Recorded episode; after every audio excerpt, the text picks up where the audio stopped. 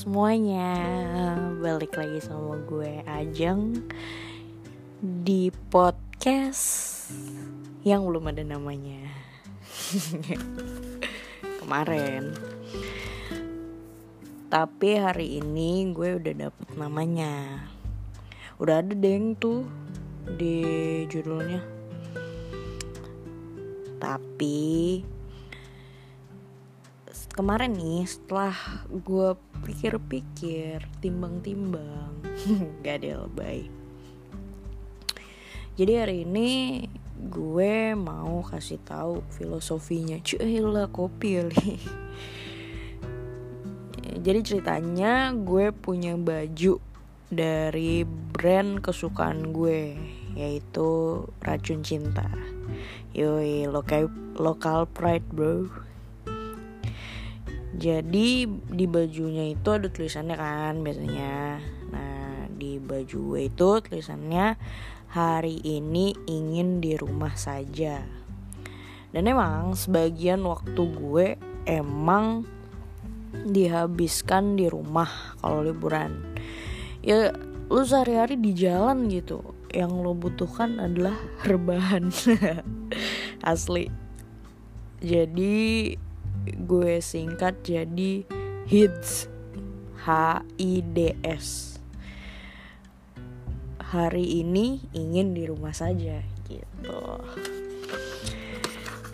Oke untuk hari ini gue bakal ngangkat tema tentang percintaan Cila gue bakal ngomongin salah satu masalah dalam hubungan yaitu posesif. Oke. Okay. Jadi sebelumnya gue mau cerita dulu. Oh langsung cerita aja baru mulai.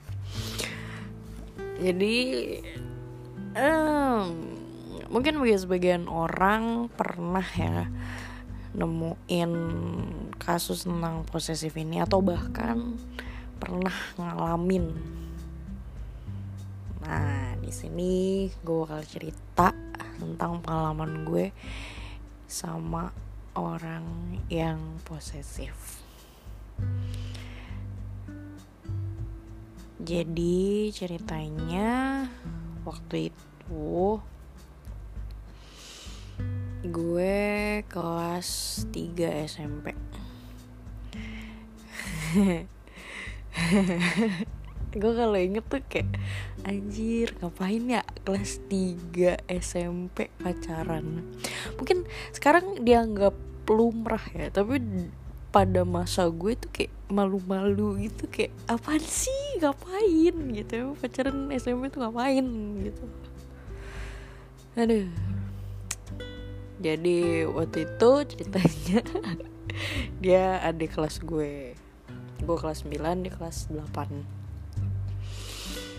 gue tahu dia gue tahu. Maksudnya ya cukup tahu aja karena ya gue selain karena sekolah gue itu anaknya eh, anaknya muridnya dikit jadi gue sampai adik kelas sampai semua guru juga tahu gue. Kan ada kita biasanya hmm, kalau di negeri apalagi ya. Aduh sombong banget gua. Di swasta sosokan banget ya. Nggak maksud gue kalau di swasta kan muridnya emang dikit kan. Dan gue seangkatan aja cuma 40 jadi sama anak bawah-bawah tuh pas kenal gitu. Nah terus kebetulan gue satu ekstrakurikuler juga. Satu osis juga sama dia. Nah terus tapi tuh gue nggak pernah yang ngobrol secara langsung yang kayak gue berdua sama dia ngobrol nggak gitu. Lebih ke kayak lagi rame-rame dan ada interaksinya ya kayak gitu doang. Nah terus waktu itu gue punya temen deket kan cowok. Emang karena satu kompleks sih emang pulang-pulang bareng gitu ya otomatis curhat-curhatan gitulah. Nah terus waktu itu dia bilang sama gue eh jeng ada yang suka tuh sama lo. Gitu. Di siapa? Gue bilang gitu. Ada di kelas. Ya siapa? Gue gituin. Ya gak boleh kata orangnya kasih tahu. Gimana sih bocah? Mesti kocak gitu orang mau nyebarin tapi gak mau kasih tahu kan ngeselin ya. Nah sampai akhirnya gue ya udah nggak peduli gue cuek aja. Maksudnya emang pada dasarnya gue emang orangnya cuek gitu. Jadi ya bodo amat gitu. Sampai akhirnya dulu tuh zamannya Facebook. Ada jangan Facebook dan Piala Dunia waktu itu gue suka banget Portugal.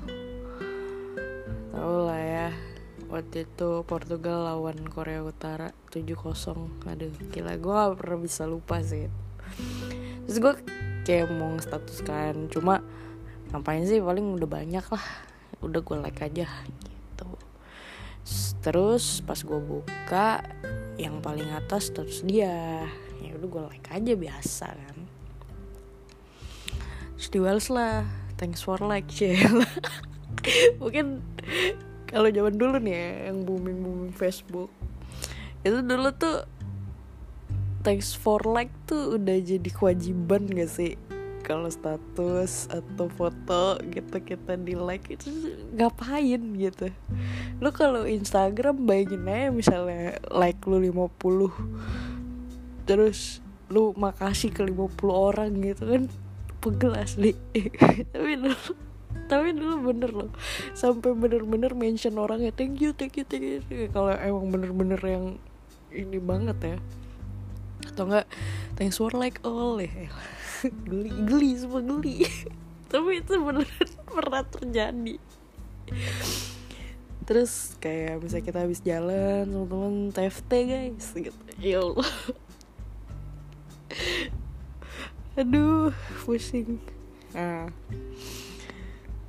Terus abis itu berakhir gue berbalas komen sama dia. Ya, lo dukung siapa? Gitu gitu berlanjut ke chat ke inbox Facebook gitu gitulah sampai akhirnya udah lama ngobrol di online. Tapi kan itu online ya offline nya kan belum nih akhirnya dia memberanikan diri ya memberanikan diri sih bener untuk minta nomor gue. Dan akhirnya gue berlanjut tuh di SMS dulu SMS loh.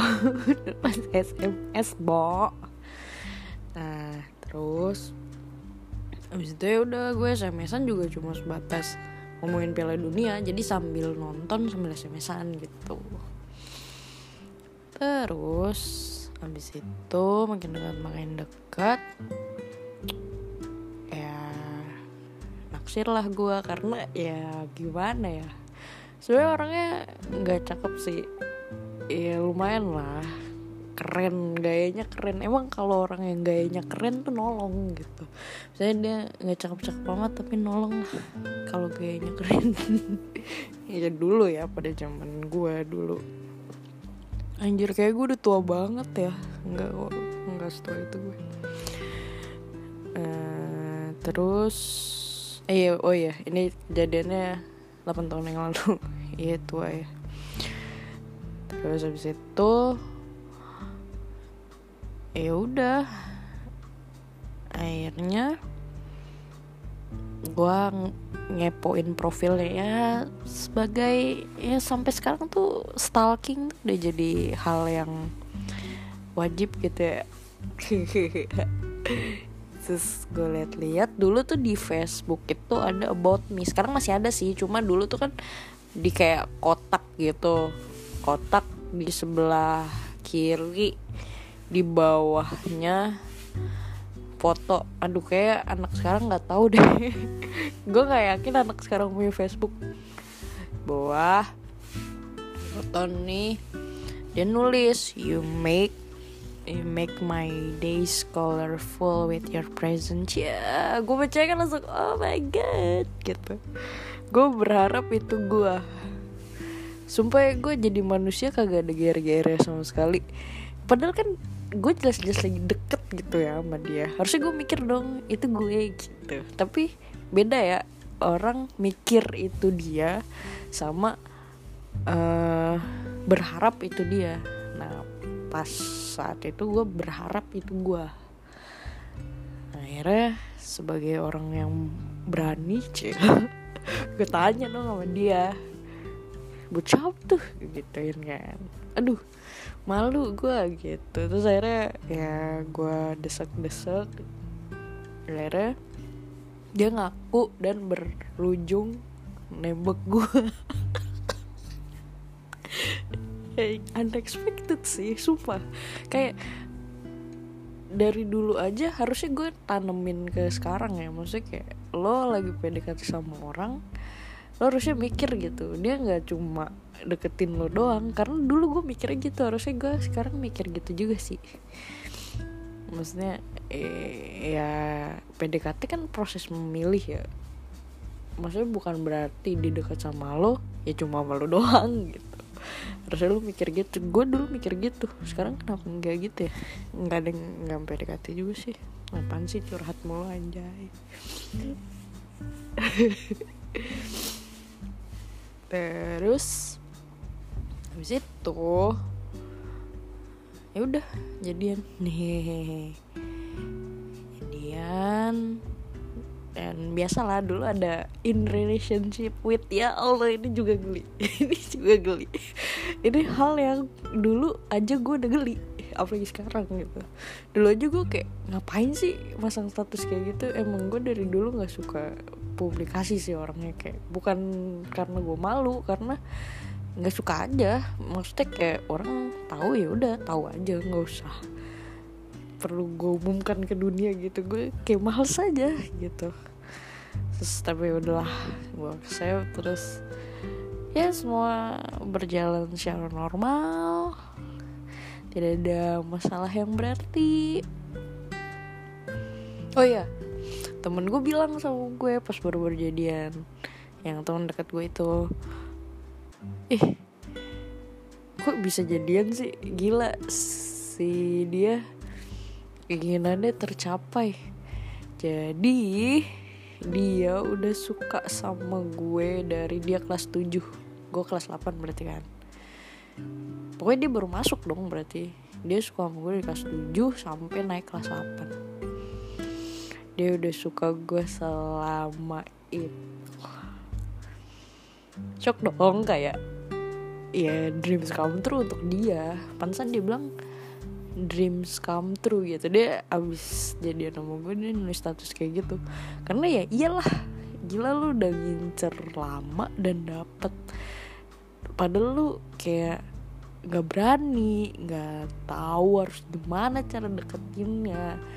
Dia kakak kelas lo dia ya gimana ya? Gue tuh cuma bisa mendem gitu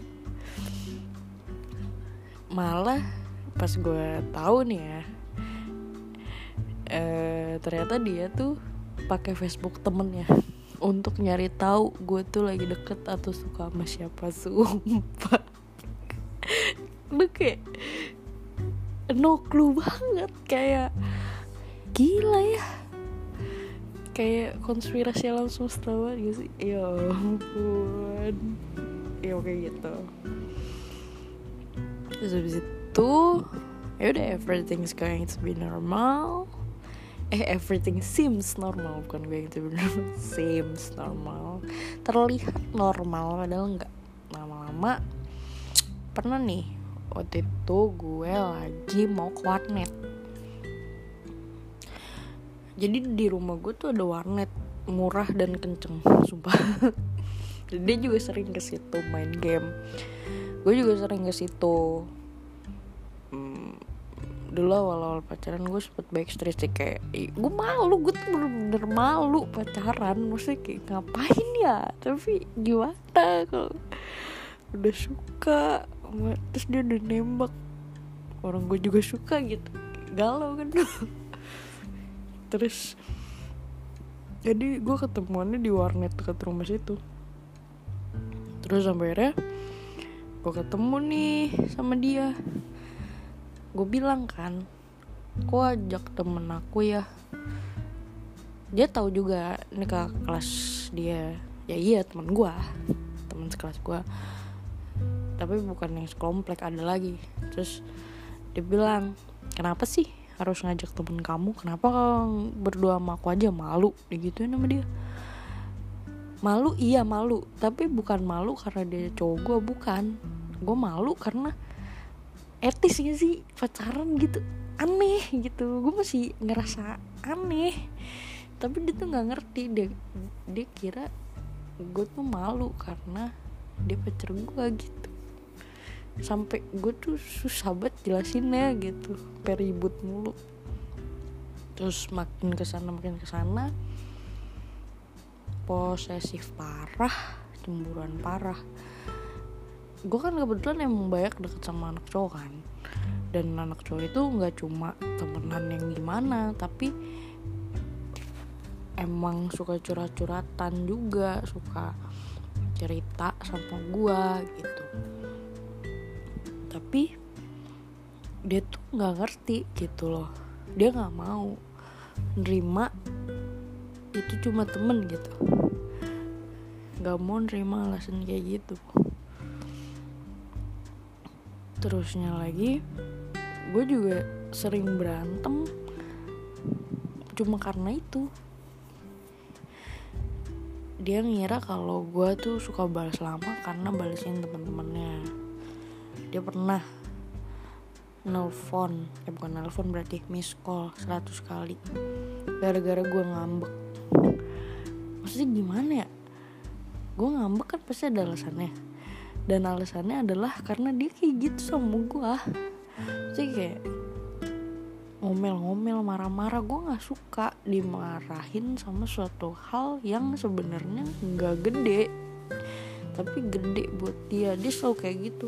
Tapi itu gede buat aku buat kamu enggak ya ngomong-ngomong dan jeleknya gue lah gue marahnya diem. Ya udah gue diemin aja dia. Gitu. Sebenarnya capek sering minta putus tapi dia nggak mau. Sampai ngancem-ngancem kayak dia pernah ngancem mau nyilet tangannya gitu gitu aduh pusing gue sampai ya udah nggak jadi nggak jadi nggak jadi terus sampai akhirnya di masa krusial gue berhubungan di atas 7 bulan tuh udah krusial. Gue di bawah setahun di atas 7 bulan. Pokoknya antara 8 sampai 11 itu krusial. Dan ini terjadi pada bulan ke 10 gue pernah naksir sama temen gue sendiri waktu kelas 7 tapi ya sebatas itu aja karena gue kayak gue tuh paling gak suka cowok yang gonta-ganti cewek yang pokoknya ya modusin cewek gitu gue nggak suka. Apa ya kayak dan apalagi dia temen gue gitu. Ayo udahlah gue pendem aja.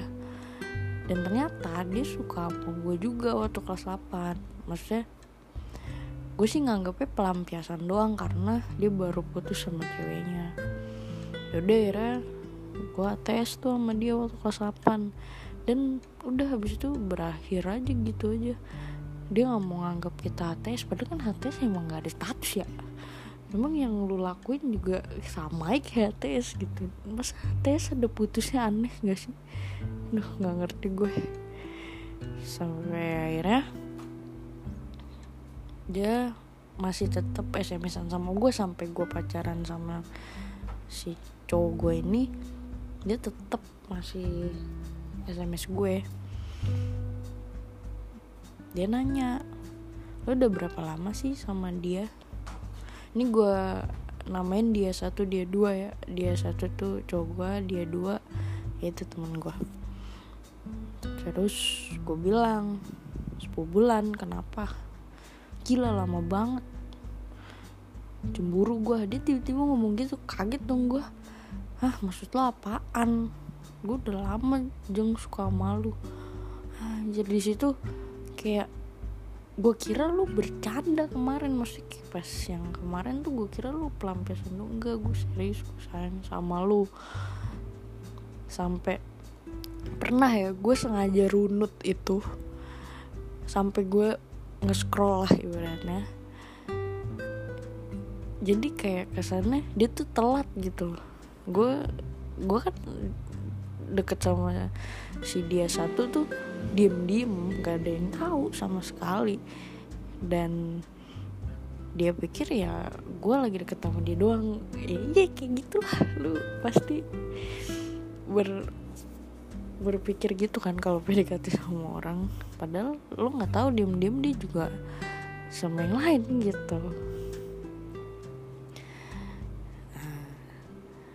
habis itu karena gue lagi di masa ombang ambing yang gue udah capek udah muak lah.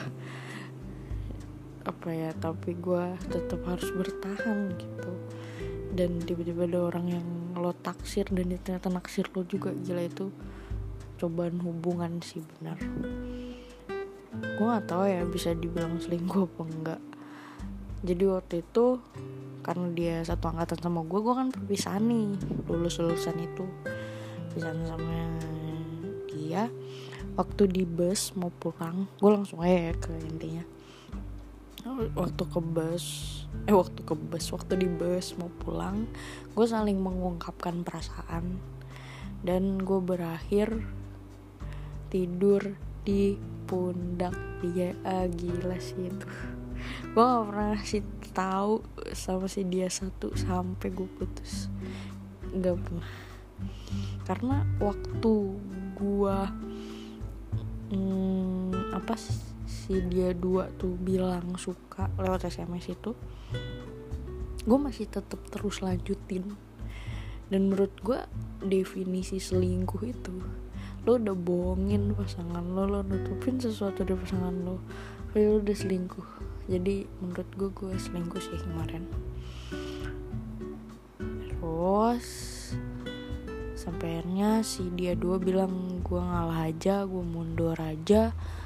Gue nggak mau ganggu lo sama si dia satu. Oke okay. gue kira ya udah kita tetap SMS-an tetap temenan dan ternyata nggak sama sekali dia. Bener-bener stop hubungin gue sampai akhirnya gue SMA kan gue milih kesel. Gue nggak tahu apa yang ada di pikiran gue waktu itu gue mikir kok gue harus ngejar umur. Ngapain coba umur dikejar-kejar anjay? Gak jelas banget itu gue gue tapaan gitu loh. Sampai akhirnya waktu itu gue kan baik tugas bener-bener yang banyak tiap hari tuh ada. Gue tiap hari bisa tidur jam 12 malam kali. Dan gue cuma bisa pagi ngobrol sama dia pagi sama sore sebentar terus malam. Malam yang gue bisa teleponan tuh jam 10 jam 11 sampai jam 12 paling lama karena gue harus tidur kan. Diajak ketemu susah segala macam susah. Berantem gue capek maksudnya kayak gue udah capek sama uh, tugas gue gue harus berantem pula sama orang capek banget. Ditambah waktu itu gue UTS hari 4 ya Allah itu gue down parah karena nilai gue semua jelek semua bener-bener yang bagus.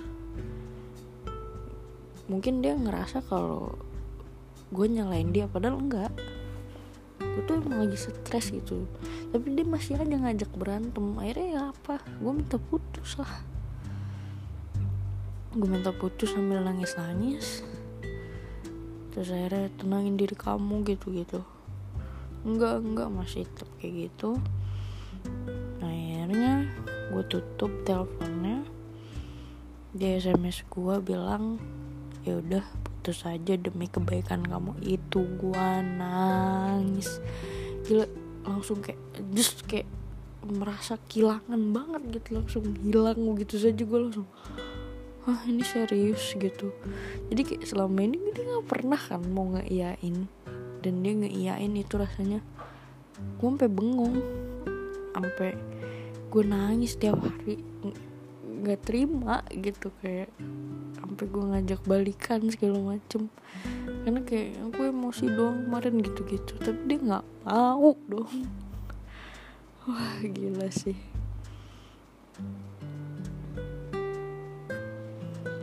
Terus ya udah. Sekarang tidak ada kabar dan berita antara aku dan dirinya. Sedih sih. Dulu gue berpikir bahwa keputusan gue tuh salah. Mutusin dia. Tapi di umur gue yang sekarang 23 tahun tuh akhirnya gue sebut umur gue uh, gak umur-umur sekarang banget sih maksudnya sebelumnya juga gue udah mikir kalau putusan gue benar. Karena walaupun gue balikan nih misalnya gue balikan ya emang gue nggak bisa sama orang kayak gitu. Nggak bisa sama dia. Kenapa FYI aja nih Sagittarius itu nggak bisa dikekang dan mau kayak apa pun juga dia akan tetap mengekang gue gitu. Dan bener sih hubungan yang udah putus balik lagi nggak akan pernah sama. Apalagi ya emang masalahnya karena dia posesif terus gue mau balikan. Hmm, aneh kan. Tapi dulu gue belum berpikir sedewasa itulah. Gue cuma berpikir dia pergi. Udah sedih lah gue. Tapi simply ya itu benar karena lo nggak cocok aja sama dia gitu. Lo nggak bisa maksain sesuatu karena lo ngerasa bersalah. Dan gue ngerasa emang kayak gue cuma ngerasa bersalah. Karena mutusin dia karena dia segitunya sayang sama gue tapi gue nggak bisa ngasih hal yang sama. Ya emang nggak sama aja perasaannya gitu. Gak bisa dipaksa gitu loh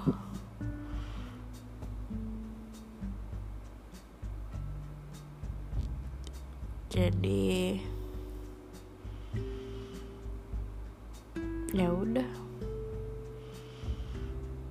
Gue ngerasa keputusan gue tepat setelah bertahun-tahun.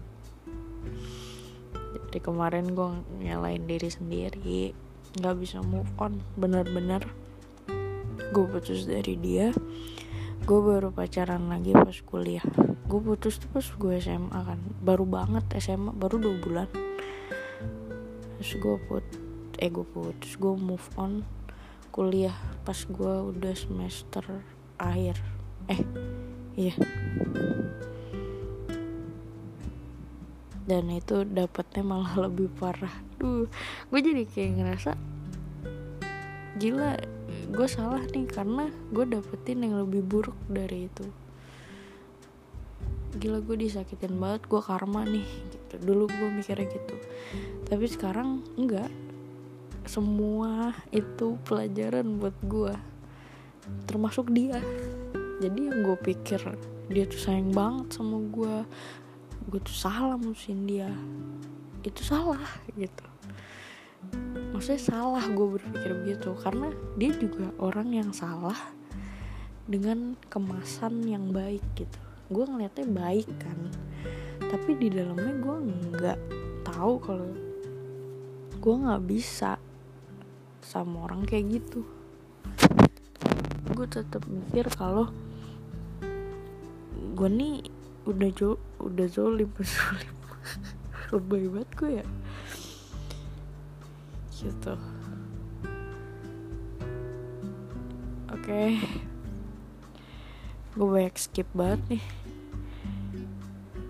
sebenarnya inti dari cerita gue adalah gue mau membahas kenapa sih orang tuh bisa posesif.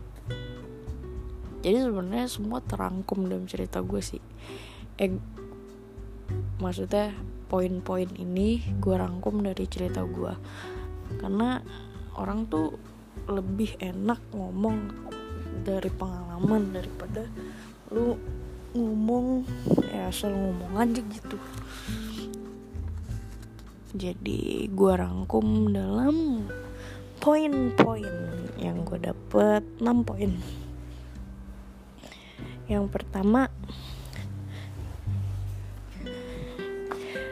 orang bisa posesif karena dia suka atau ngincer orang itu udah lama dan ternyata dapet kayak gimana tuh maksudnya? Jadi kayak dia merasa gila kali. Gue udah lama ngincer. Masa gak gue kekepin? Gue nggak mau lah sampai ada yang suka sama dia. Nyambung sama poin kedua. Poin kedua nggak pengen dia didapetin sama orang lain atau disukain sama orang lain lah intinya. Nggak pengen kehilangan. Pokoknya orang ini gak mau pacar dia disukain sama orang lain. Gak rela. Rasa gak mau kehilangan rasa gak mau kehilangan tuh gede banget. Pokoknya lu ngerasa diikat dikekang gak enak sumpah. Bakal diatur kayak di penjara harus ngabarin ke mana-mana. Gini ya gue kasih tahu. Kalau emang orang itu sayang sama lo dia akan ngabarin lo tanpa lo minta. Kalau misalnya lo nanya ya udah tungguin aja dia bales. Saya kamu udah nyampe belum? Gitu. Tungguin aja dia juga akan bales. Karena orang yang sayang sama lo nggak pengen bikin lo khawatir. Jadi nggak usah nge-spam chat nge-spam telepon. Yang ada itu orang malah gerah. Kayak pan sih lo? Itu yang gue rasain. Poin yang ketiga deket sama banyak lawan jenis. Ya yeah, gue harus akuin poin poin yang ini paling valid. Karena eh sorry. Poin yang paling valid kenapa orang itu posesif. Karena kalau ada yang beralasan nih si pasangannya nih beralasan bilang aku cuma temen kok. Pasti dia akan si orang posesif ini akan membalas. Lah emang dulu kita apaan? Gorong-gorong. Pengen dijawab pengen jawab begitu karena saya pasti pengen jawab gitu karena saya kan dulu kita juga temen semua berawal dari temen. Jadi si posesif ini nih merasa selain gak diperhatiin dan orang temennya ini ya cowok atau cewek juga ya jadi kayak ngerasa terancam gitu loh lo udah punya gue. Ngapain lo harus cerita sama mereka gitu. Dan bener sih kalau lo punya masalah terutama sama pasangan lo ya harusnya lo omongin sama pasangan berdua cari solusi yang bener. Jangan sampai pihak ketiga pihak keempat pihak kelima tahu sebenarnya kalau dewasanya mah gitu. Lo omongin berdua bahas berdua. Tapi beda kalau temenan. Doang tanpa curhat-curhatan. Tapi tetap aja mereka tuh nggak akan pernah terima. Maksudnya kayak masa iya sih temenan tapi nggak pernah ngobrol yang se intim curhat-curhatan gitu makanya untuk menghandlenya waktu itu gue caranya adalah dengan jaga jarak sama mereka sama teman-teman gue maksudnya. Gue tuh sampai sampai chat. Dulu chat adanya cuma Yahoo Messenger sama live eh live apa? Live messenger anjir. Jadi gue paling chat di situ atau smsan tapi diem diem dia nggak tahu. Ngerugiin banget kan maksudnya kayak lo kehilangan temen gara-gara pacaran. Aduh.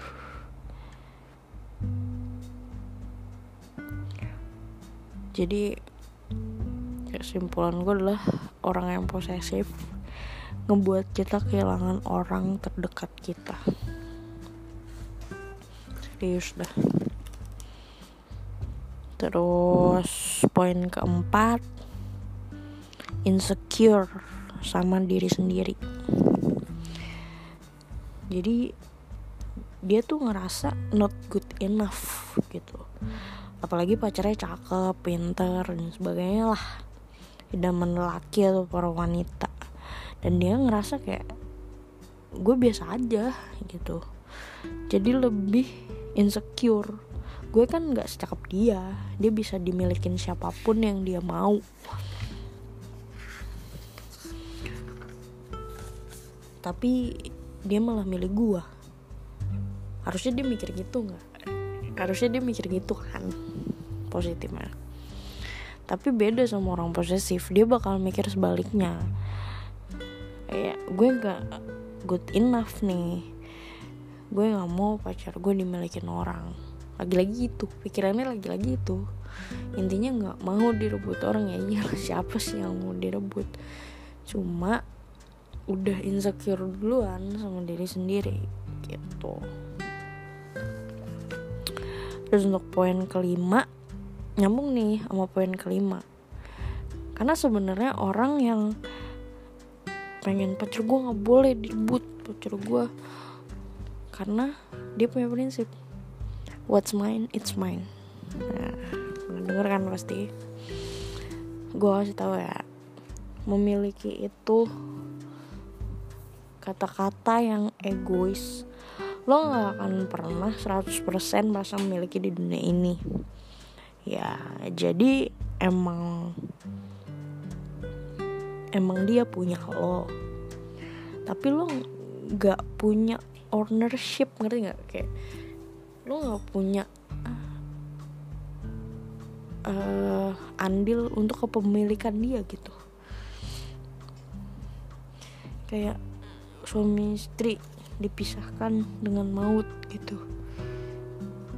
Jadi lo nggak bisa serta merta bilang it's mine you're mine. Enggak.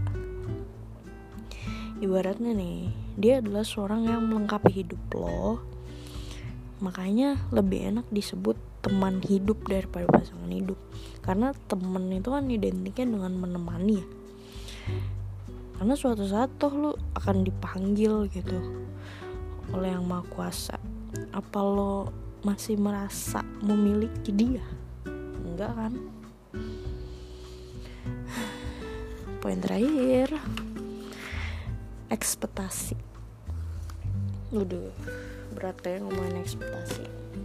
Tapi bener ya ekspektasi itu membunuh lo ekspektasi bahwa orang yang lo sayang akan sayang itu juga sama lo. Itu yang membunuh diri lo sendiri. Karena lo seperti berusaha untuk membuat dia sayang sama lo dengan cara posisi lo itu. Tapi lo nggak sadar cara lo tuh salah. Dia tahu lo sayang sama dia tapi nggak gitu caranya. Karena karena lo pengen banget supaya orang itu sayangnya segede punya lo. Equal gitu. Gue udah ngasih 80% sayang gue ke lo misalnya. Gue pengen lo juga segitu sayangnya ke gue padahal orang yang saling saling sayang I mean itu nggak pernah ada yang berlomba-lomba. Gue yang lebih sayang gue yang lebih sayang. Kalau udah sayang ya udah ikhlas aja. Nanti tinggal dia yang gimana kalau kalau dia nggak sayang itu ya udah dia emang bukan buat lo. Ngomong gampang emang emang gampang kita sakit karena ekspektasi. Sayang mah sayang aja. Yang berat kan gak disayangin balik.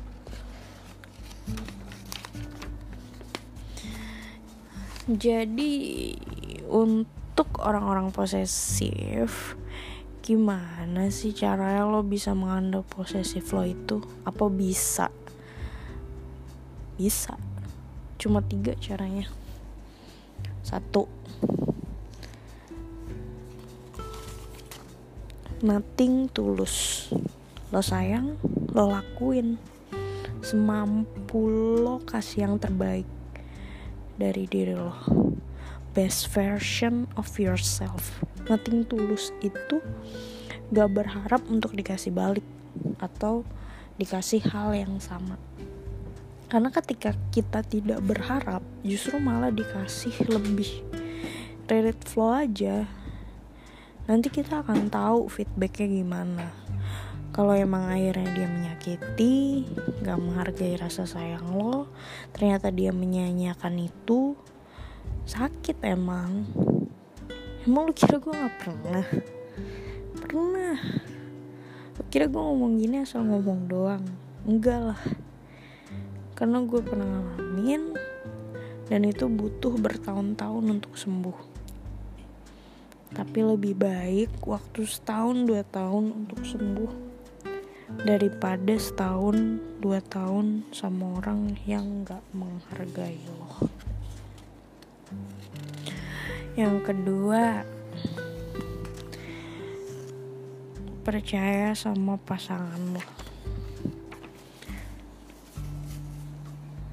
Sama sih lo ngasih kasih sayang ngasih kepercayaan. Tinggal gimana dia menghargai apa yang lo kasih. Kalau gue ya malah justru akan menjaga kepercayaan itu. Dia ngebebasin gue percaya sama gue. Gue akan berusaha ngekip itu.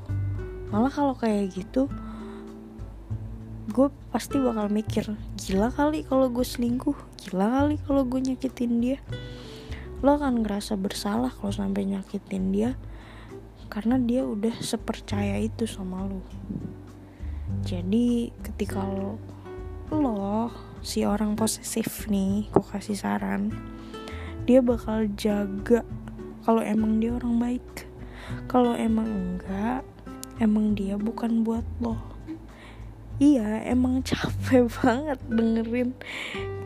Terus kayak nggak terima masa sih tapi kalau lo nggak mencoba untuk ngelepas lo bakal kehilangan kesempatan untuk nemuin orang yang bener-bener bisa jaga itu. Terus yang ketiga ini nyambung sih sebenarnya sama poin kedua. Eh sorry. Poin keempat yang insecure sama diri sendiri. Poin keempat tadi yang kenapa bisa posesif? Lo percaya diri aja. Ya. Lo percaya diri aja kalau ya dia nggak hanya lihat tampang lo duit lo segala macam mah tapi karena lo adalah teman hidup yang dia pilih yang terbaik yang cocok untuk dia udah percaya aja itu. Lo nggak usah bandingin diri lo sama orang lain. Capek. Aduh sini begitu. Karena misalnya nih pasangan lo ngomongin orang lain kayak eh dia pencapaiannya begini begini begini begini. Tapi sebenarnya mereka ngomongin itu cuma cerita bukan pengen lo kayak dia. Dia milih lo karena dia milih lo apa ya maksud gue dia udah menjatuhkan hati sama lo. Bukan dia berharap lo jadi orang itu atau pasangan lo tuh pengen sama orang itu. Enggak dia cuma cerita. Jadi so jadi so so jangan berkecil hati. Oke okay. wahai orang posesif di luar sana gue nggak minta lo supaya stop untuk posesif. Sebenarnya posesif di masing-masing orang kadarnya beda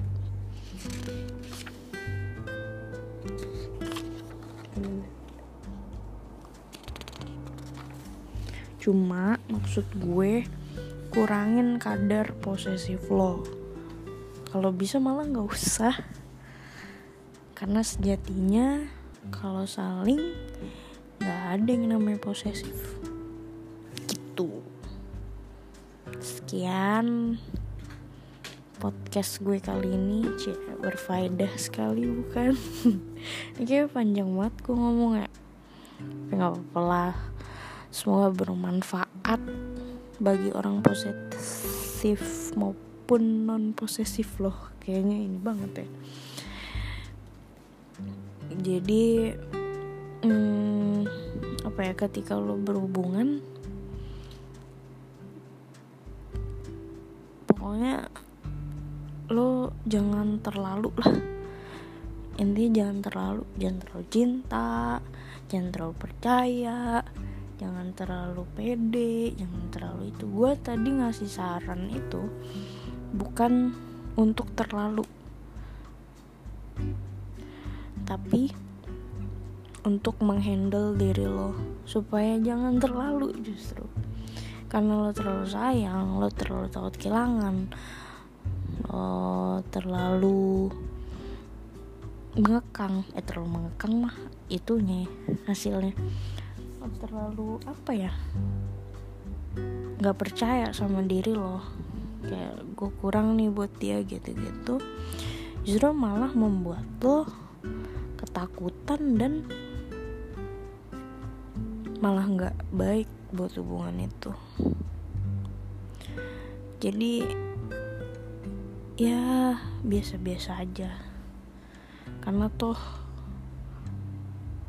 kita nggak bisa 100% milikin orang gitu. Jadi kalau kata Om Raden Raup don't invest too much jail. Okay. Done thank you for listening to all my my apa ya listener oke. Okay. listener. Selamat malam karena gue nge-recordnya malam. See you on next podcast. Bye